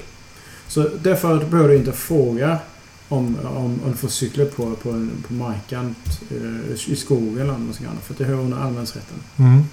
Men den missuppfattningen har gjort att ingen vågar köpa sin, sin elmansbike i skogen. Vad tror cykelhandlarna om eh, elcykel? Ser man eh, fördelningen tydlig i butikerna? Att Man börjar se mer och mer. Alltså, förra året så, så, så, så vet jag folk som, som är väldigt fundersam på det. Nu tror jag att alla butikerna vet att det här kommer vara framtiden. Att då, det finns en procentuell att eh, säljer du 100 cyklar till en handlare så är Det- det det- 30 stycken. Det vet vi redan. Alltså kolla på, på länder som har utan subvention som, som Tyskland, Österrike, Schweiz. Så ligger andelen eh, av den totala volym, omsättningen i cykelbutiken ligger på 40% Elcyklar? elcyklar. Oj, det är mycket. Utan subvention. Fast det är ju för att man bygger infrastruktur som passar bättre. Tittar du, jag vet jag såg något sånt där inslag från...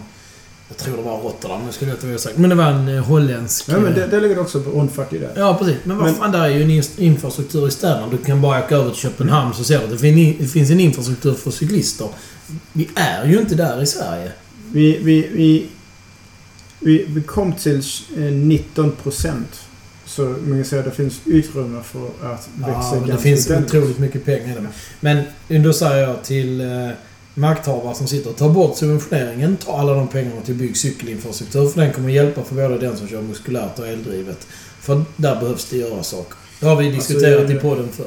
Absolut. Och jag, jag kan säga för, liksom, för man skulle öka den här med att folk börjar cykla och pendla till, till arbetet så ännu mer. Så kanske man skulle både ge sub- subventionen och utbygga eh, logistiken eh, Ja. och cykelstien, cykelbanan till, till Ja. och från jobbet. Mm. Kolla på Köpenhamn. Eh, jag tror i år var första året vart att pendlingen var drygt över 60% var på cyklar i Köpenhamn. I Köpenhamn. Ja, men Danmark ligger ju... Det vet ju du om då, men Danmark ligger lite före oss när det kommer till cykeltrend. Triathlon var stort för redan för tio år sedan i Danmark. Vi kommer lite senare. Vi behövde Lisa Nordén-effekten för att det skulle börja ta fart i Sverige. Men i Danmark har det varit lite större tidigare. Ja, där ligger vi, jag skulle säga, i, på vissa punkter ligger vi drygt en, en tio år efter i Sverige. Ja, i Sverige. Och, eller Holland också. Ja, Holland är väl också ett jättestort cykelland. Så. Ehm, jag har några sådana nyfikna andra eh, techfrågor. Eh, BMC lanserade precis en ny eh, cross country-raket i Mm. nya four-stroke. Den nya Forstone. Jag vet att du eh, precis har fått en under dig, höll jag på att säga. Ja, det, det Vad är nytt på den jämfört med... Jag har, både Micke och jag har cyklat på en four-stroke. En gång i tiden. Ja, men det är ju bara från, från den som, som ni körde på är det ju, är det en helt ny hoj. Ja. Men eh, det, det är ingen tvekan om att, att den nya Forstoken är det mest avancerade projekt vi har haft på, på BMC någonsin. För man har gjort en egen dropper post till exempel. Vi har gjort en uh, integrerad dro- dropper post på den. Eh, och det, det, det, det fördröjde processen lite grann. Eh, och gjorde också att den blev lite försenad. För att man har inte bara gjort en post, man har gjort en oval för att den ska vara styr, för att den ska vara lätt och att den inte ska kunna vrida sig. Ja. Så, så, så eh, bara dropperposten eh, har sin helt annan, helt egen historia som, som är en fantastisk, fantastisk historia. jag hittade något så här klipp om det där man berättar om den. Och det är ju en...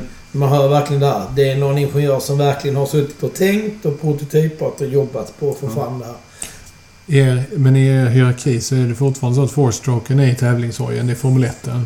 Under den, Har vi agonisten. agonisten som är ny sedan ett år tillbaka Stämmer. ungefär. Och under agonisten så har vi Team Elite, eller? Så har vi Team 19 när vi snackar cross country-delen. Och sen så har vi också Speedfoxen. Speed- Speedfoxen ja, just det. med, Trail. med 130 slag av trail. Ja. Där har vi också... Eh, det var faktiskt den första cykeln som, som vi eh, gjorde en integrerat eh, drawpost på. Den- Ehm, och där, där, där gjorde vi en drawpost som var synkat med bakdämparen. För att varje gång man körde ut för backar, du sänkte Ja, så du, stängde så öppnar du, dämparen. öppnar och stänger du dämparen Ja. på det sättet. Men, men Four-stroken Four-stroken är den ultimata eh, Formel 1 XC-år. Det är så Hojen. vackert. Den är snygg. Det är så Det är så sjukt snyggt. Är det inverterad eh, bakdämpare på den nu som det är på agonisten eller står den fortfarande på traditionellt håll? Ja men den, den, den är... Den, vi har vänt den så... så, så, Ja, så som på agonisten. ja. Ja. Men, men jag, jag har kört på agonisten det sista året. Har, har varit väldigt förtjust i den och har kvar den också.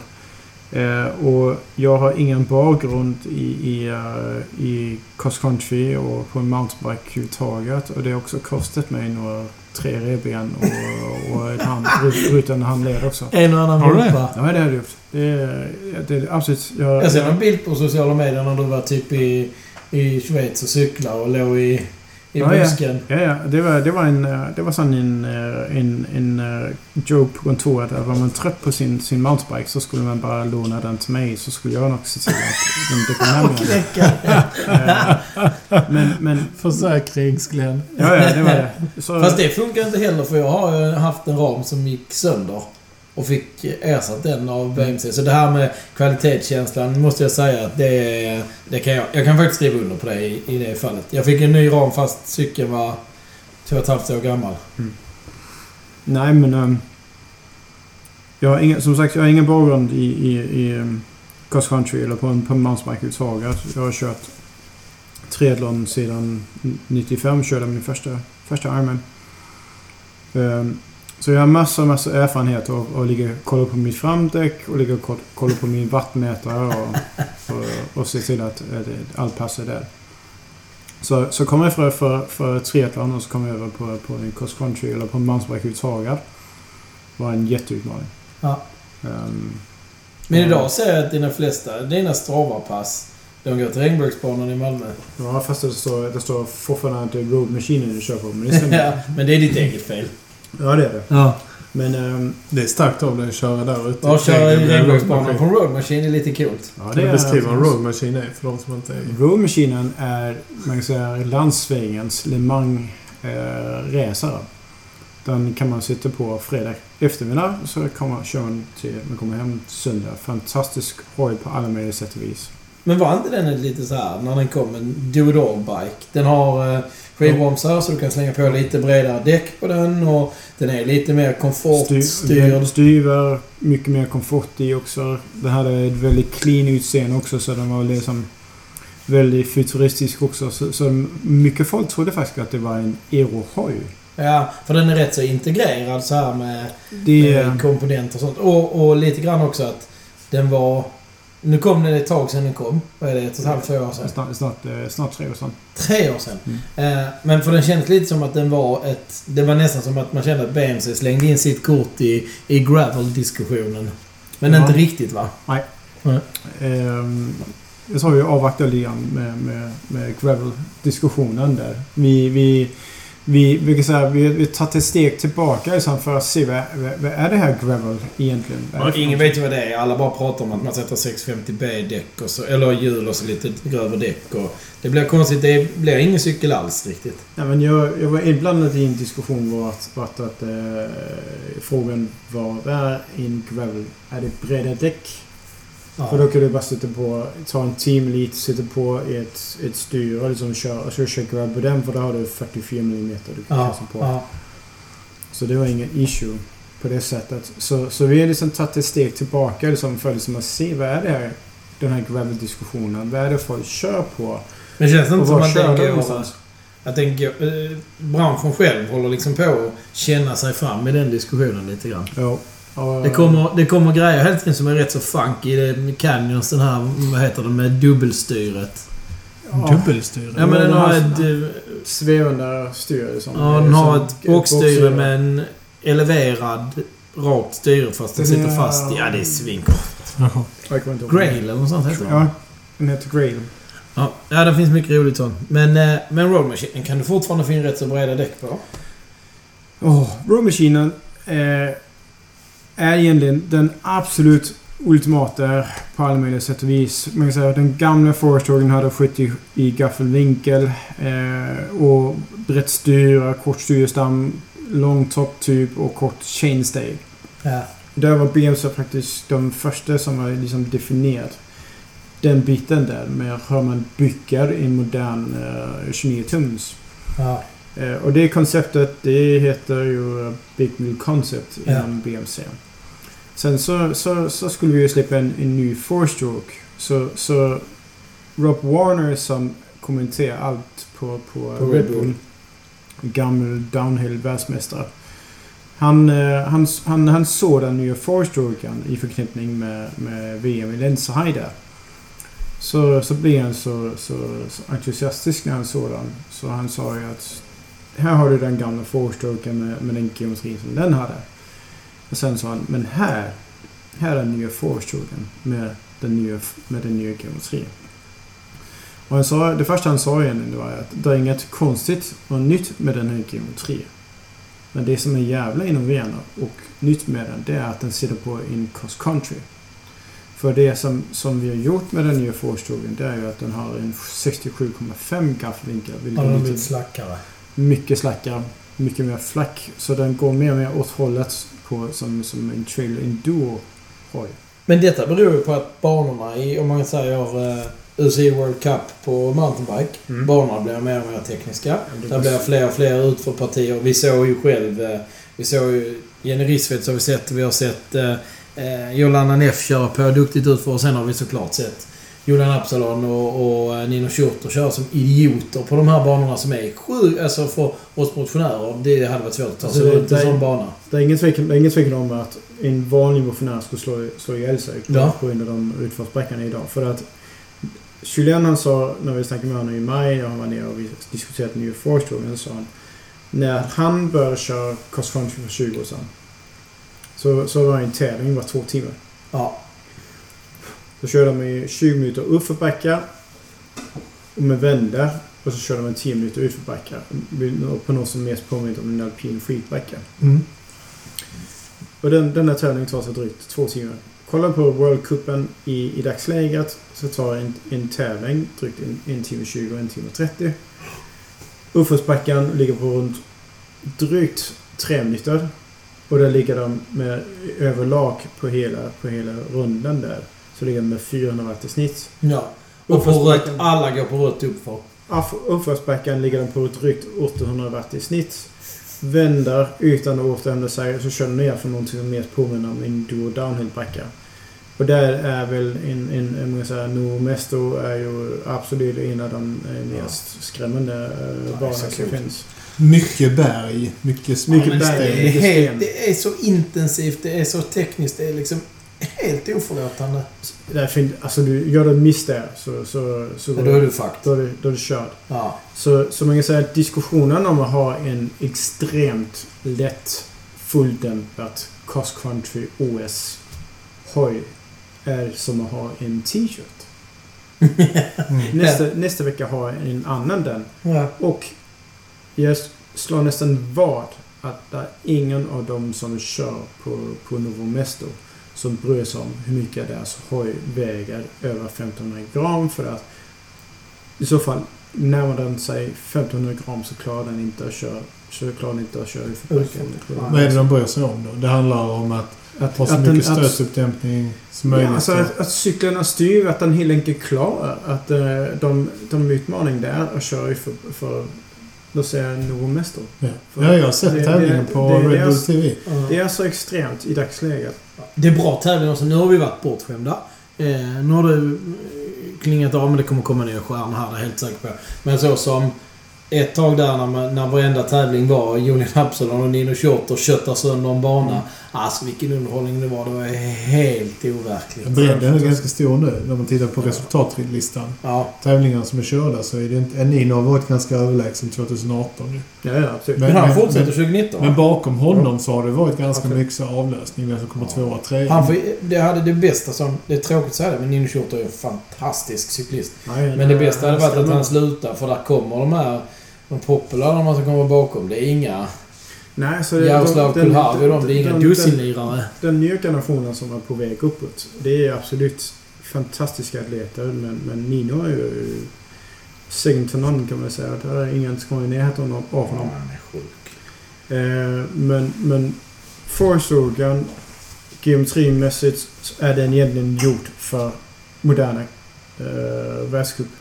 Den är gjord för att köra nerför. Vilket, Så- vilket betyder att för uh, motionärerna hemma, som vi ska ge ett köptips, tänker jag. Så ska vi säga agonist istället för Foster kanske? Jag skulle säga 90% av de som kör långloppscupen behöver inte köpa en 100 mm slag cross country OS-hoj. Men har absolut mycket större fördel av att köpa en 110 mm som är mer förlåtande. Ja. och kompenserande för, för det. För att har man inte, man säga, har man inte tekniken som Nino och uh, Kylan har så behöver du inte ligga och köra på, på en, Ja. uh, på en skott. Det är bara att traditionellt har det varit 100 mm slaglängd på cross country-cyklar. Men, eh, men du, nu nämnde du själv långloppscupen. Får Ja. du cykla själv lite mountainbike nu? Det är, jag kör en del mountainbike nu. Ja. ja. Jag har gått och gömt mig det här året för att lära mig att köra mountainbike. Så, Ja, vi har varit ute. Vi var ute lite under 17 men lite nu under 18 också. jag jag- Det var det som fortfarande som säger. Till och med tävlat tillsammans i år. Det gör vi. Vi körde Eksjö. Ja, med. Det var en, eh, det var en upplevelse. det ska vi göra nästa år också. Det ska vi. Och det är bokat. Men du ska köra ett par stycken i lång, långloppscupen. Ja, Jag hoppas väl att köra fyra kommer vi fram till. Vilka är det då? Tre sa vi säkert. Och så sa du fyra. Men det är, fi- det är det där med geografin igen. Men vi sa eh, Ränneslätt. Och Skövde. Det börjar i Billingen. Det börjar i april. Ja, och så i Varberg är det också va? Och Falkenberg säger jag fel nu. Ja, vi snackar Boxningen då. Ja. Mitten av september. Ja, men det är tre. Ja. Och vilken är det den fjärde vi har kvar? Sen. Västgötaloppet. Sen är det Mörksugge och. Västgötaloppet och slutet av september i Ulricehamn. Ja, då har du fyra ju. Ja, jag har inte sagt att jag ska göra det, men Det är eh, klart. jag ska jag titta på Glenn. Är. Tre har du sagt att du ska göra. Har jag sagt? Jajamän. Det kan jag lova dig att Jag inte kan visa sagt. dig, jag kan visa dig konversations, konversationshistorik på detta. Alltså jag, jag, säga, jag har nästan en kopi på den här samtalen. Så. Ja, jag tror jag har konversationshistorik You på know detta. Alltså, nothing. Men you jag, jag are bangar inte den screwed. utmaningen. Men... Eh, Men du ska cykla X-Cup också, Glenn? Det är planen. Ja. Nu, För det är lite mer, det är mer åt... Eh, det är inte långloppscupsbanor, de är mer intensiva än så. ja, det är väldigt Så- mycket så- på rött. Ja. Så det, det, det ska testas. ja. Så, Varsågod. Så, Det är en timme gå på rött. Ja, det är det. Lite Ja, men drygt. det. Och där ska vi cykla. Där, där kan jag vara med på eh, Vallåsen, för den är väldigt mycket uppför. Det gillar jag. Mm. Och det också. det är så hemskt. Men annars så, så tycker jag faktiskt att Hörby för skulle jag gärna vilja testa. Allt Ja, den är jag också sugen på. Men vi kan ut. Vi kan Alltså, ut. Jag, och jag, jag kommer att tänka på det idag faktiskt när jag var ute och sprang. Att fan vad jag saknar mountainbike. Jag har inte cyklat sen du sålde din cykel. Är det, ska detta bli mitt fel nu?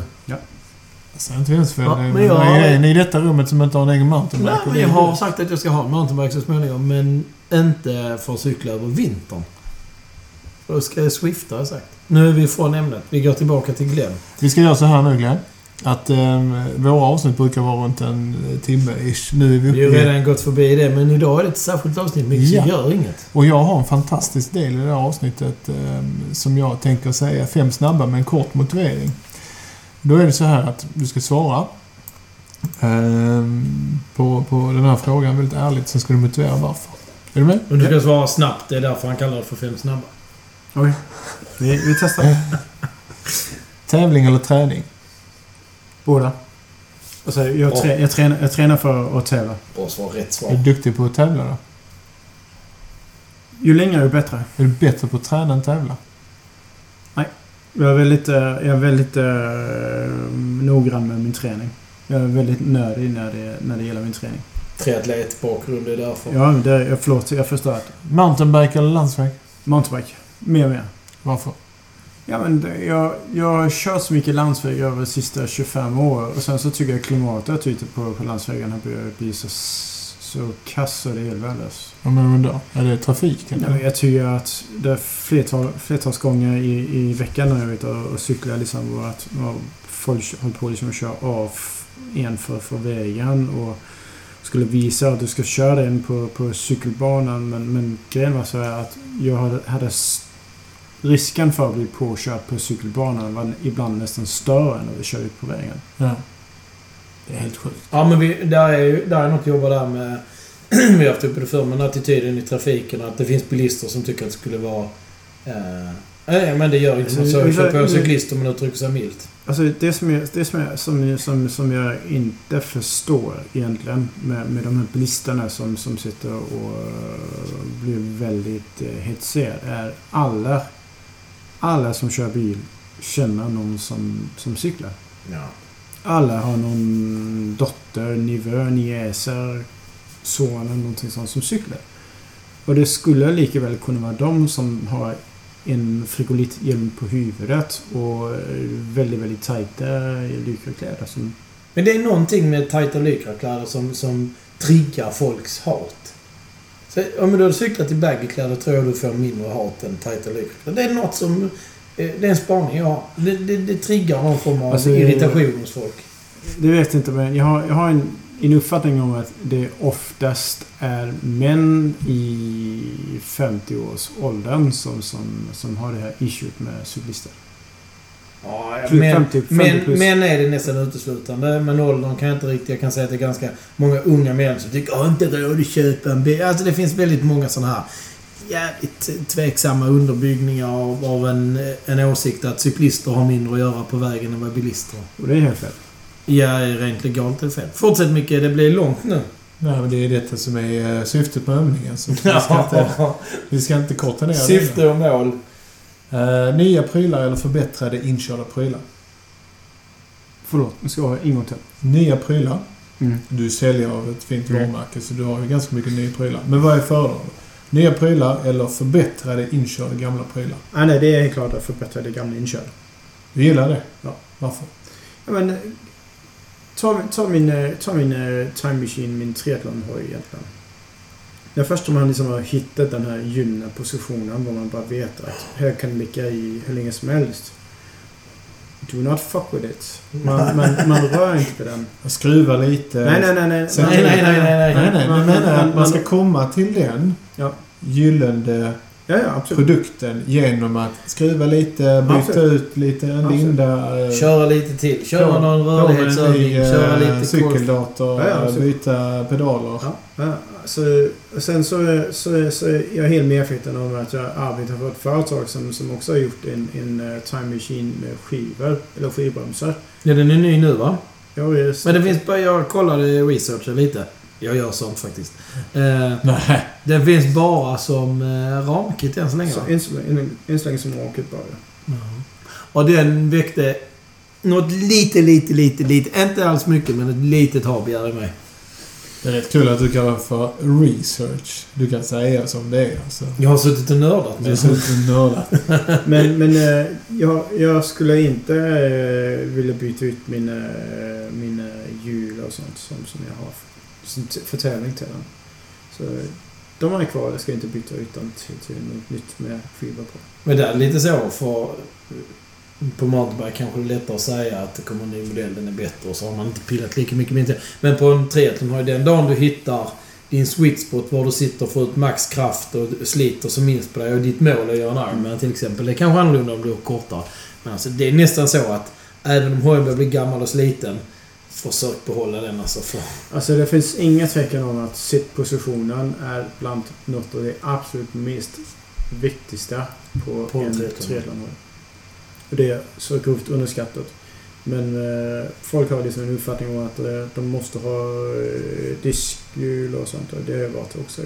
Själv så jag kan inte se från mig. Men, men sittpositionen är alfa och Men du, du har kvar ditt eh, diskhjul? Jag har klarat mitt diskhjul. Av ett, kommer av ett tyskt märke. Kommer aldrig sälja det. Det är rätt kul ändå hur en sån här eh, enkel fråga, nya eller gamla prylar. Nu är vi där igen med stjärnan. Ja, ja, men, men det är väl ingen... den och, eh, Ja, ja. och Fast det bränner här, den den här stjärnan köper jag alla dagar i veckan. Kul. Fysisk handel eller e-handel? Fysiskt. Varför? Ja, men så jag, jag gillar att jag kan gå ut och diskutera. Ska, nu tar vi utgångspunkten med att vi ska köra en cykel för att det är min egen bransch. Eh, jag gillar att gå ut och diskutera med, med de som står i butiken, som har kunskapen, som kan förhoppningsvis i, i, i eh, samarbete med mig ta fram rätt produkt. Vi... Eh, Det får inte vara en Oerhört politiskt korrekt. Jag ska, ja, extremt politiskt. Men, eh, men vi har cykelspanat. Vi körde ju till och med en där vi hissade cykelhandlare som vi tyckte var värda att besöka. Eh, och jag måste säga att det som, det som kristalliserar sig som problem när vi pratar cykelhandel, där vi tycker att det kommer till korta. Det är egentligen eh, tre saker. Mm. Det första är en, en en grundläggande teknisk kunskap. Den har vi redan diskuterat. Vi släpper den. Den fattas på jävligt många ställen i vår uppfattning. Nummer två, det är att ha ett... Eh, alltså vi ska ha klart för oss att här jobbar vi med passion. Så Mm. man måste ha ett, ett äckligt stort intresse för det kunden kommer in och pratar med om. Och då inte heller måla kunden på näsan. Mm. Alltså, eh, vad kostar en Time Machine 01 där? eh, Om man vill köpa den. Den kostar 100 000. Jag vet men som sagt att jag inte vill betala 100 000 för en cykel då.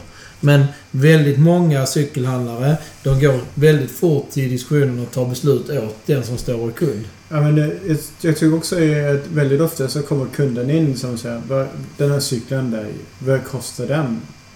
Oh, det är dyrt. Jo, men, Ja, eh, men jo, men det, det kan man göra. Mm. Fast det är ju också många gånger återförsäljare, tyvärr.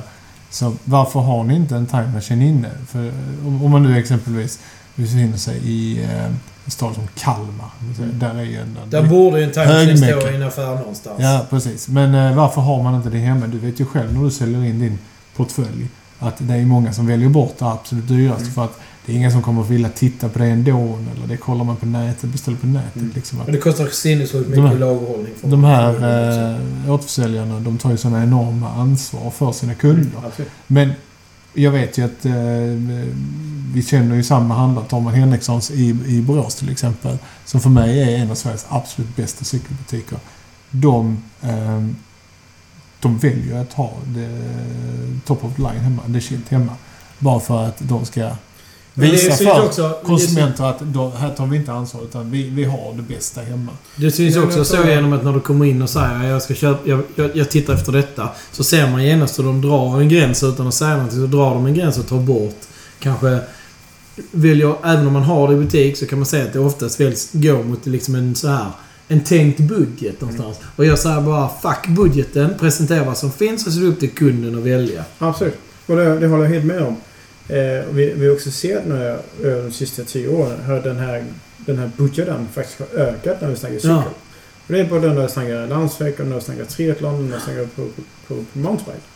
Så intresset finns ju såklart hos svenskarna till att gå ut och liksom lägga fler och fler pengar på, på sin cykel. För att intresset för att ha bra grejer eh, och liksom att lägga, lägga fler pengar på sin, på sin intresse finns också där. Du, eh, och det tredje benet. Det är utbud. Mm. Som vi ofta blir... Utbud och lagerhållning, som vi kunna säga. Som vi nästan alltid blir lite besvikna på. Det går fasen inte att köpa ett 29-tums mountainbike-däck hos en cykelhandlare som ligger 3 km från en mountainbikebana. Det går inte att köpa ett eh, XT växelreglage eller En En kassett. en tubeless eh, sån här. Nej, gegga och Gegga. ventiler går inte att köpa hos en cykelhandlare som har en spottloska ungefär till, eh, till en mountainbikebana. Det, det är bara så horribelt. Men vad ska cyklarna göra för? För vad näthandeln har, det är ju ett sinnessjukt utbud. Alltså, deras, deras utbud är ju enormt såklart för de, de har det i ett lager någonstans. Liksom. Men man kan säga att man kan säga att detaljbranschen i Sverige har, har varit väldigt rädda för, för, för internethandeln. Och den här diskussionen med, med att sälja cyklar via nätet har ju såklart också, den har, också, den har vi också varit en del av. Ja.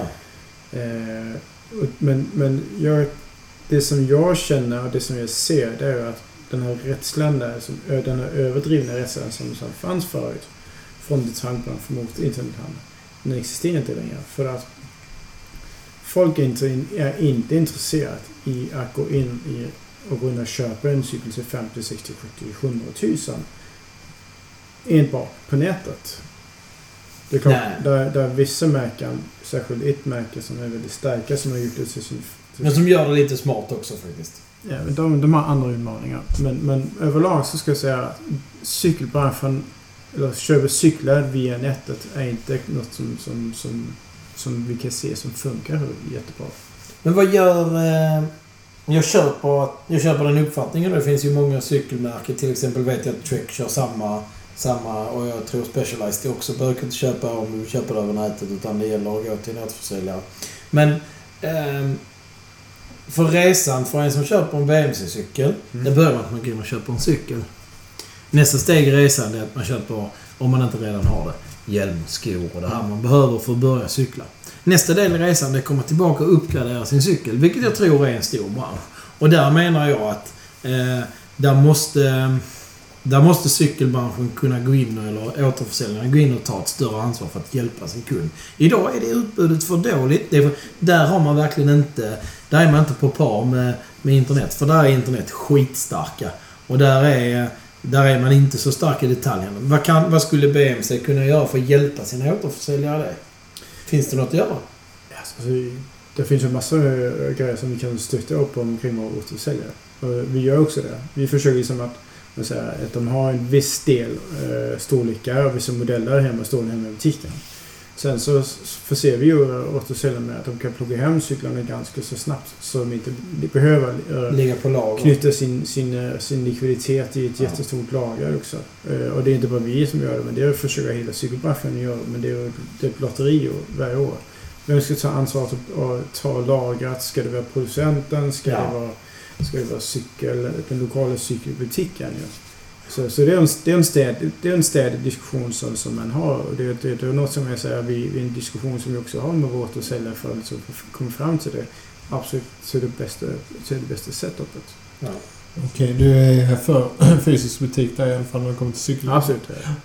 Okej, sista frågan här då. Den är rätt så eh, knivig. Där tror jag vi behöver lite utrymme. Men Tour de France eller UCI Mountainbike Championship?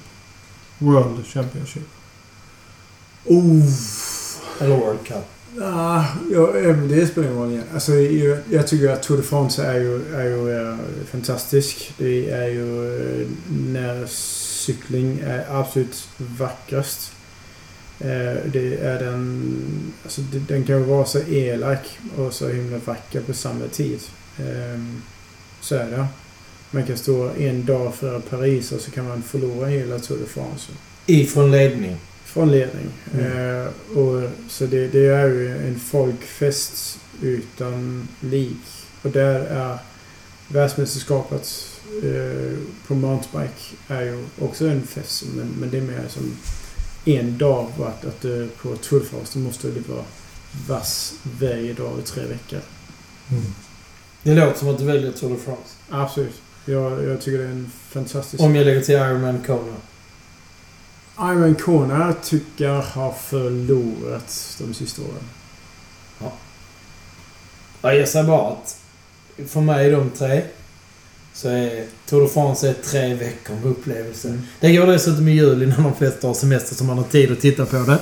Eh, Ironman Kona är en rätt så sömnig grej att titta på om man inte är sjukt nördig när det gäller triathlon. Men eh, Eh, och världsmästerskapet på mountainbike, eller om du så vill världscupen, eh, är ju mer som... Eh, ja, men världscupen i alla fall. Det är mer som seriespel i ishockey eller fotboll. Det är mycket att se. Där det kommer tillbaka helg efter helg efter helg. fast världscupen i... Eller tar man Tour de France så är det ju paketet med eh, expertkommentatorer som, som förgyller hela sändningen. Just i Sverige, ja. Tänker du på?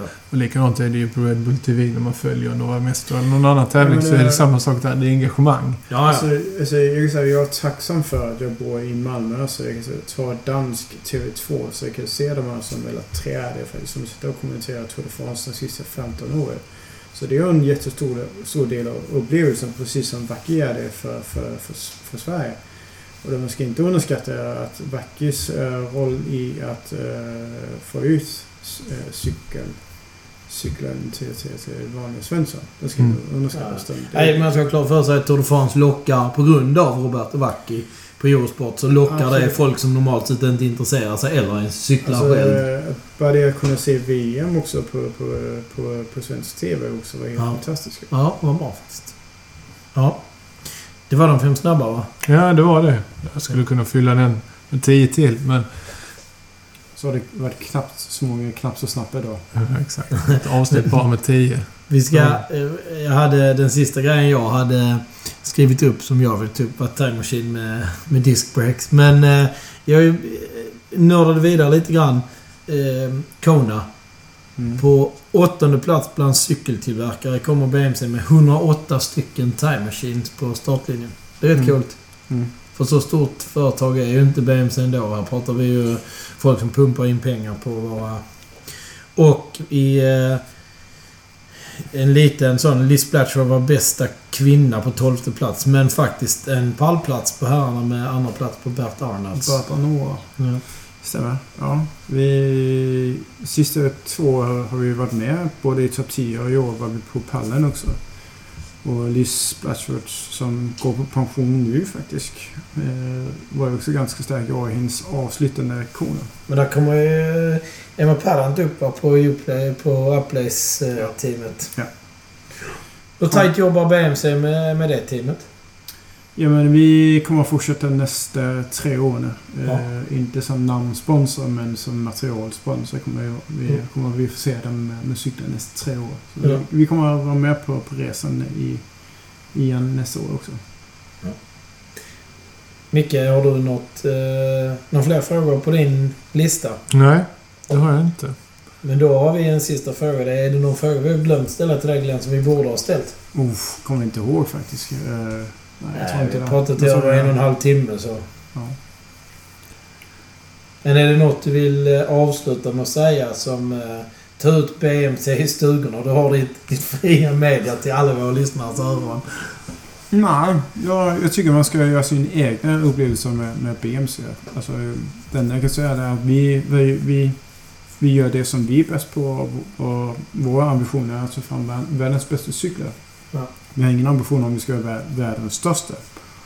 Men, men helt enkelt bara göra världens bästa cyklar. Men du, eh, det kan vi ju säga då. Om man har suttit här och lyssnat och tänker fan de där eh, schweiziska små precisionsvapnen de skulle jag vilja prova. Så brukar ni ha någon form av roadshow under, under säsongen där man kan eh, få lov att klämma och känna och cykla Vi, lite grann ehm, förutom återförsäljarna. Ja, vi kommer också, förutom vi har olika testcenter över hela Sverige, så, så kommer vi också finnas på olika events under våren och, och så vidare. Både För oss då som bor här utanför Malmö, var, var någonstans kan vi testa BMC? Om vi hade varit intresserade. Om. Där är en. Om. Om. Ja, men fan. När intresset inte bara vi bara måste prova något. Var provar vi det då? Där har vi två. Då har vi både museet i, i Malmö, ursäkta. Och sen så har vi Molins i Kristianstad och eh, Hässleholm. Ja, okej. Så Men är det bara till att knacka på då och säga att man är intresserad av att testa? det är bara att knacka på. Alltså, Eller måste man ringa och boka? Goddag, jag vill köpa en time machine med Ja, eh, det- disk. Jag ska ut i regnbågsbanan. Jag behöver en roadmaskin. Ja, så det Maskin. Nej, så det, det, är, det, är, det är att kontakta de o- olika orter och sen se vad de har hemma för testcyklar och Ja. olika möjligheter för att, liksom, att, att, att hjälpa med det. Men um, absolut, det är de två. Mhm. Då så. Ja, så. Eh, Tänk vad denna timme, eller denna stunden gick snabbt. Det känns som att... Fast det är precis. återkommande för oss alltid när vi sätter oss och det är bara du och jag. Nu har vi dessutom någon som vi inte vet vad han ska säga. Nej, exakt. Ja. Jag vet i och för sig inte vad du ska säga när vi spelar in heller. Det är alltid... Det är som en tombola. Man snurrar och får se vad det är för nummer som kommer upp. Men eh, Glenn, det var ett, eh, ett sant nöje att ha dig på eh, besök hos cyklisterna. Och, Synnerligen sant nöje. Som ni säkert förstår så kommer vi att träffa Glenn flera gånger, men då förhoppningsvis på jul. Till jul. På jul. På jul, till jul. Ja. Mm. Nej, men på jul. Och ehm, det är inte omöjligt att du får uh, skäl att återkomma i, eh, i digital form, i Kommer jättegärna. ljudform. Kommer jättegärna. Ja, du är välkommen. Ja, med det så säger vi eh, trevlig kväll då. Ha trevlig kväll. Tack för idag.